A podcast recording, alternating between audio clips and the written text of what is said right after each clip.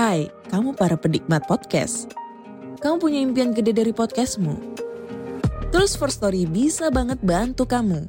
Mulai dari F-Link, Dynamic Audio Insertion, sampai statistik yang komprehensif. Semua ada di First Story. Gak ketinggalan kamu bisa monetisasi podcastmu lewat iklan dari First Story Ads yang bisa kasih kamu penghasilan dari setiap place podcastmu.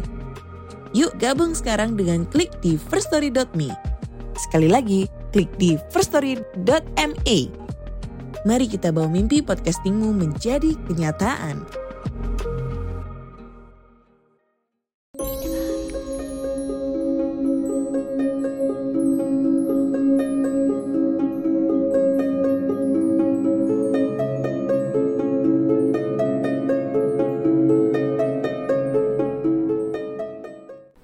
Selamat datang dan selamat malam.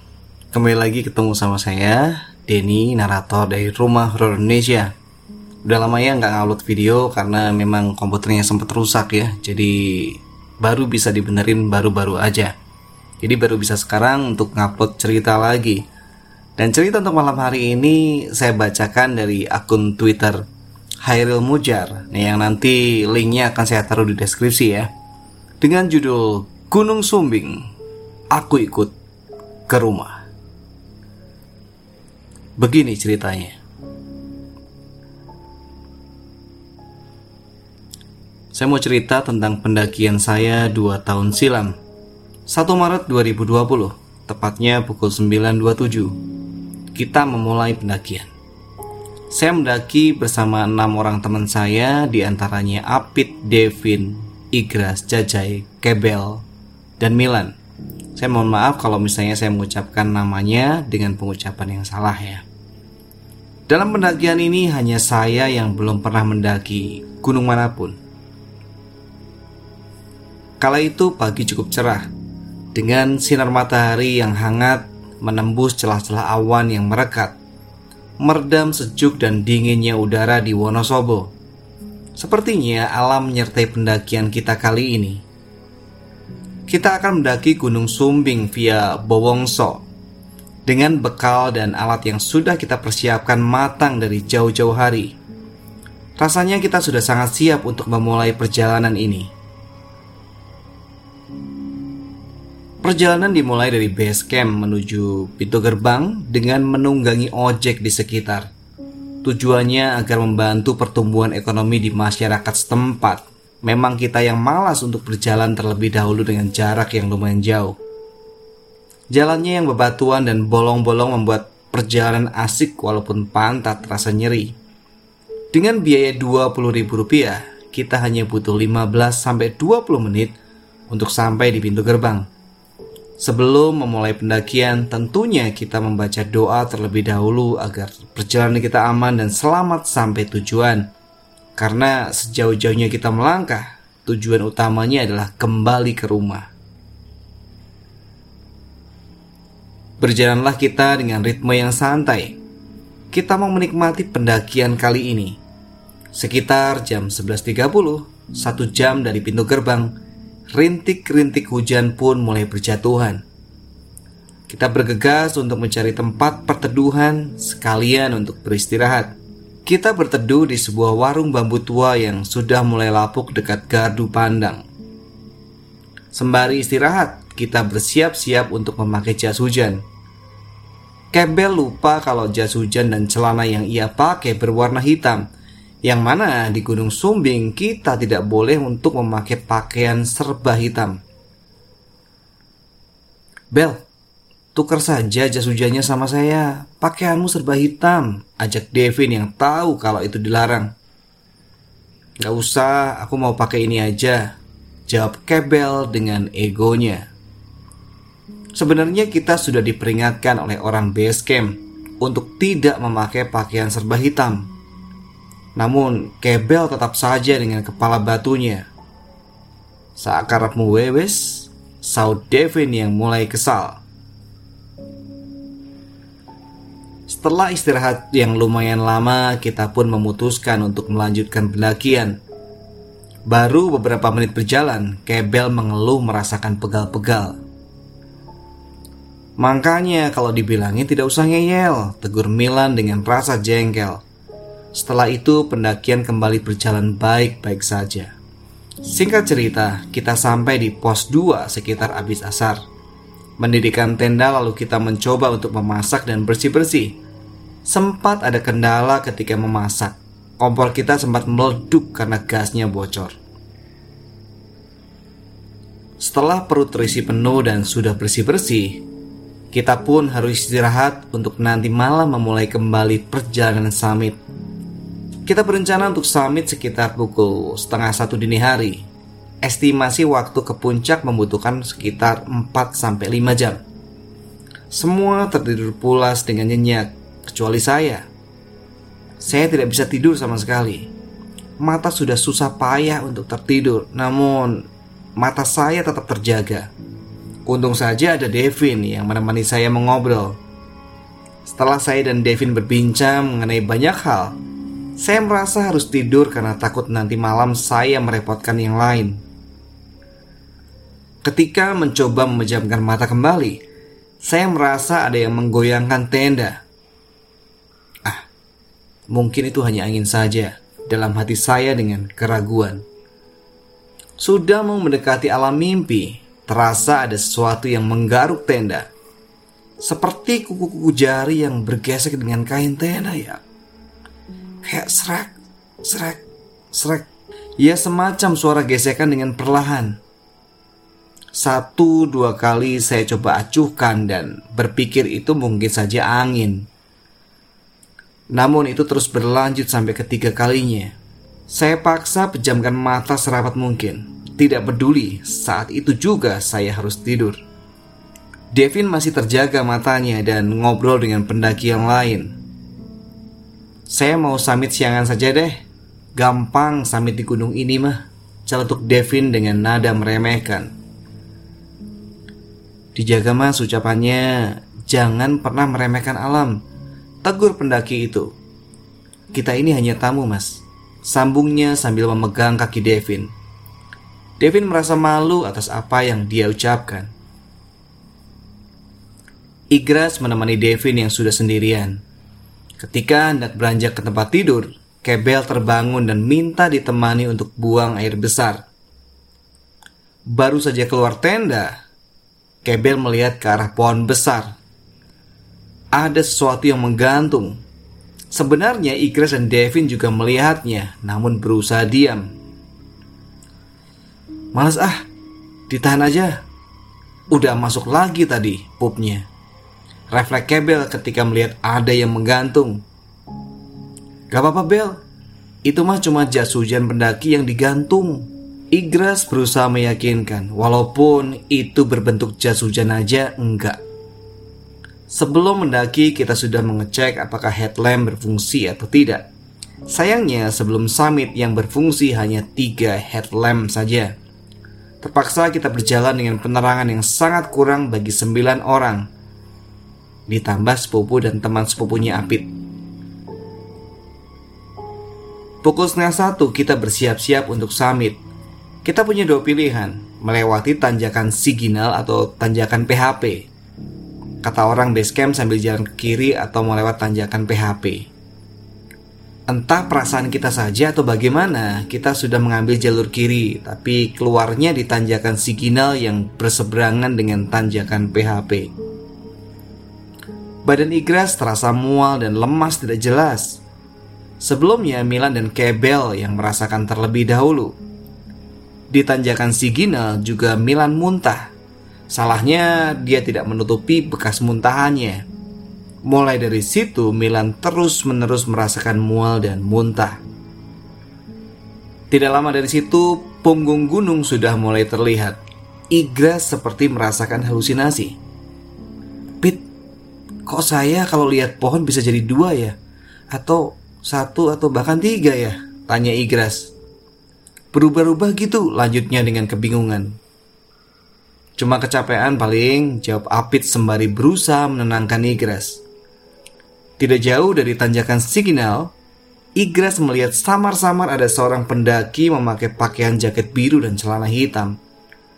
Dengan lampunya di kepala yang tidak menyala turun ke bawah tanpa menggunakan alas kaki. Turun seperti tidak ada hentakan bahu. Ya seperti sedang berjalan di atas eskalator. Hiraukan saja Lem, panggilan akrab Igras. Cuekin aja, Devin yang ternyata menyadarinya juga. Wah ternyata si Devin juga sadar, berarti ini bukan halu, perasaan Igras yang ia pendam dalam hati. Dari situ Igras semakin merasa pusing dan mual. Istirahatnya jangan di sini lem, nanggung. Ajak Devin untuk tidak istirahat di pos 3. Terdengar suara bunyi tombol senter, cetak, cetak, cetak, cetak. Apit yang sedang iseng main-main dengan senter tidak sengaja melihat sekelibat bayangan seperti ada yang berpindah tempat. Astaga keras, lu gak lihat kan? Refleks Apit yang berharap itu hanya angannya saja. Jalan aja Pit, saut Igras yang ternyata sudah memendamnya juga. Pukul 5 lebih 6 kita sampai di atas puncak sejati namanya. Setelah berfoto-foto menikmati indahnya lautan awan dari ketinggian, saya, Igras, Apit, dan Kebel memutuskan untuk lanjut ke puncak yang lebih tinggi, puncak Raja Wali. Sisanya tetap tinggal di puncak sejati karena alasan fisik dan dingin yang sudah menyelimuti tubuh mereka. Saya sempat tidak sengaja menginjak salah satu makam yang ada di sana. Saya langsung meminta maaf karena saya benar-benar tidak melihatnya. Setelah itu kita turun bareng-bareng lewat tanjakan PHP. Kita bertuju foto-foto dahulu di Sabana dan terpisah dari sepupu dan temannya sepupunya Apit. Mereka jalan terlebih dahulu. Kita terpecah lagi menjadi tiga bagian. Apit dan Milan berada di depan, saya di tengah, Igras, Kebel, Devin, dan Jajai di belakang. Sendirian saya di antara kabut-kabut yang menggenang. Saya bingung mau menyusul yang depan atau saya tunggu rombongan yang belakang. Lama saya menunggu rombongan belakang yang tak kunjung datang. Hanya terdengar suara teriakannya saja yang tak kunjung sampai. Ya, saya pilih untuk menyusul rombongan yang depan.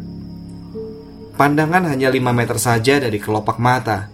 Saya berusaha untuk segera menyusul yang depan. Setelah bertemu dengan yang depan, kita menunggu yang di belakang. Woi, kanan atau kiri? Tanya rombongan belakang yang kebingungan karena pandangannya yang terbatas. Ambil kanan Bel, saut saya yang berusaha memberitahu keberadaan kita. Ambillah mereka jalur kanan, tapi seperti baik lagi ke tempat sebelumnya. Fix ini mah kesasar. Pikir Igras yang sudah pesimis. Setiap ketemu persimpangan, Kebel melakukan hal yang sama dan selalu di jalan itu lagi. Sekitar beberapa menit, ketemu lagi di persimpangan. Ada suara asing yang menyaut. Kiri, kiri. Suara bapak-bapak yang terdengar samar. Tidak lama Apit menyeru mereka untuk tetap ambil jalan kanan dan bertemulah dengan kita. Istirahat sejenak lalu kita harus cepat untuk kembali ke tenda sebab hari sudah mulai sore. Setelah berunding, saya dan Milan yang mencari jalan dikala kabut masih terasa. Ketika sampai di persimpangan ada dua jalur yang bercabang. Mau pilih kanan atau kiri? Ambil kanan apa kiri? Teriak saya dengan berharap ada yang menyaut. Kiri, suara berat seperti bapak-bapak yang menjawabnya. Tapi saya dan Milan bingung.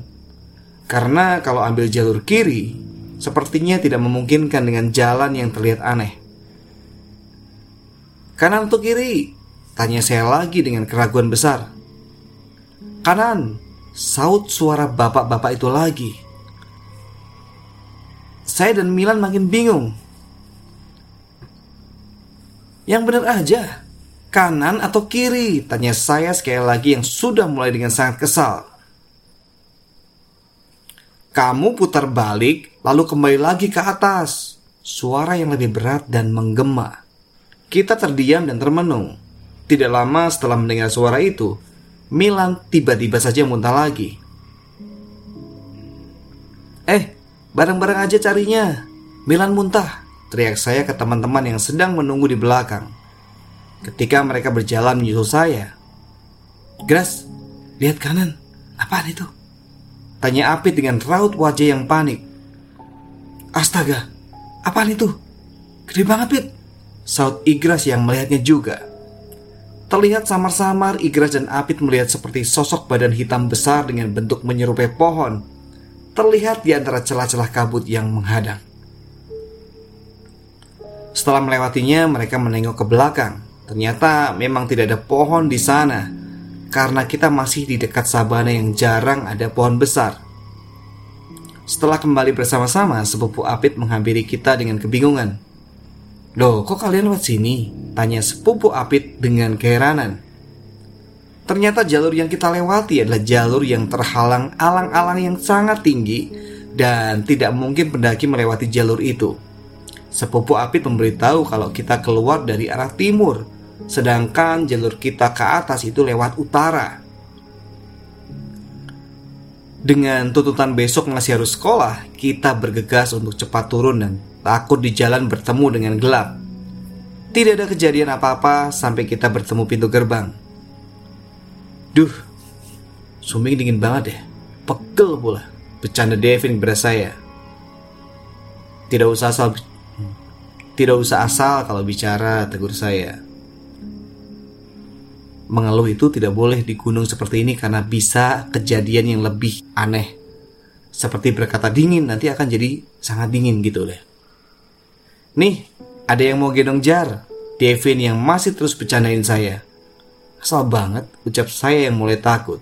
Di situ Devin merasa seperti ada yang menggoyangkan carrier saya. Bukan karena hentakan dari kaki atau bau saya, tapi karena arah goyangannya kanan kiri, bukan ke atas bawah. Sampai di base camp, kita istirahat dan bersih-bersih sebentar. Setelah itu, kita harus pulang kembali. Setelah turun dari gunung, sepertinya masih ada yang mengikuti Devin sampai ke rumah. Ketika sedang mandi, seperti ada yang mengintip dari celah luar. Aku ikut yo mas, suara dengan pelan dan beralun lirih. Dengan perawakan perempuan yang memakai baju putih lusuh, bercorak kecoklatan kotor, dengan rambut panjang kusut yang menilik ke arah Devin. Sontak Devin merasa panik dan mempercepat mandinya. Devin bercerita kepada ayahnya tentang kejadian-kejadian yang ia alami selama mendaki dan yang baru saja terjadi. Makanya kalau di alam tuh yang sopan, tegur ayahnya. Kita ini cuma tamu, harus menghargai yang sudah dahulu berada di situ, samu ayahnya. Tidak hanya Devin, setelah dari sana Milan tidak bisa makan nasi selama tiga hari. Dipaksa pun akan keluar lagi. Kita bertanya ke orang base camp dan disuruh untuk memakan madu yang sebelumnya diberikan ketika kita mendaki. Sekian cerita dari saya. Jika ada penuturan kata dan pengucapan yang salah, mohon dimengerti dan dimaafkan. Tujuan saya membuat cerita ini bukan mau menunjukkan seberapa seram cerita saya, melainkan ingin mengingatkan jika pergi ke suatu tempat, kita hanyalah sebagai tamu di sana banyak pelajaran dan hikmah yang saya dan kawan-kawan dapatkan dari perjalanan ini. Petik banyak positifnya, kubur dalam sisi negatifnya. Akhir kata, mendaki bukan hanya soal kita menggapai puncak, karena esensi sebenarnya bukan berada di ketinggian, melainkan seberapa baik kita menghargai alam. Oke teman-teman, sekian cerita kita untuk malam hari ini. Terima kasih sudah mendengarkan sampai akhir kita bertemu di cerita-cerita seram berikutnya. Selamat malam, selamat beristirahat.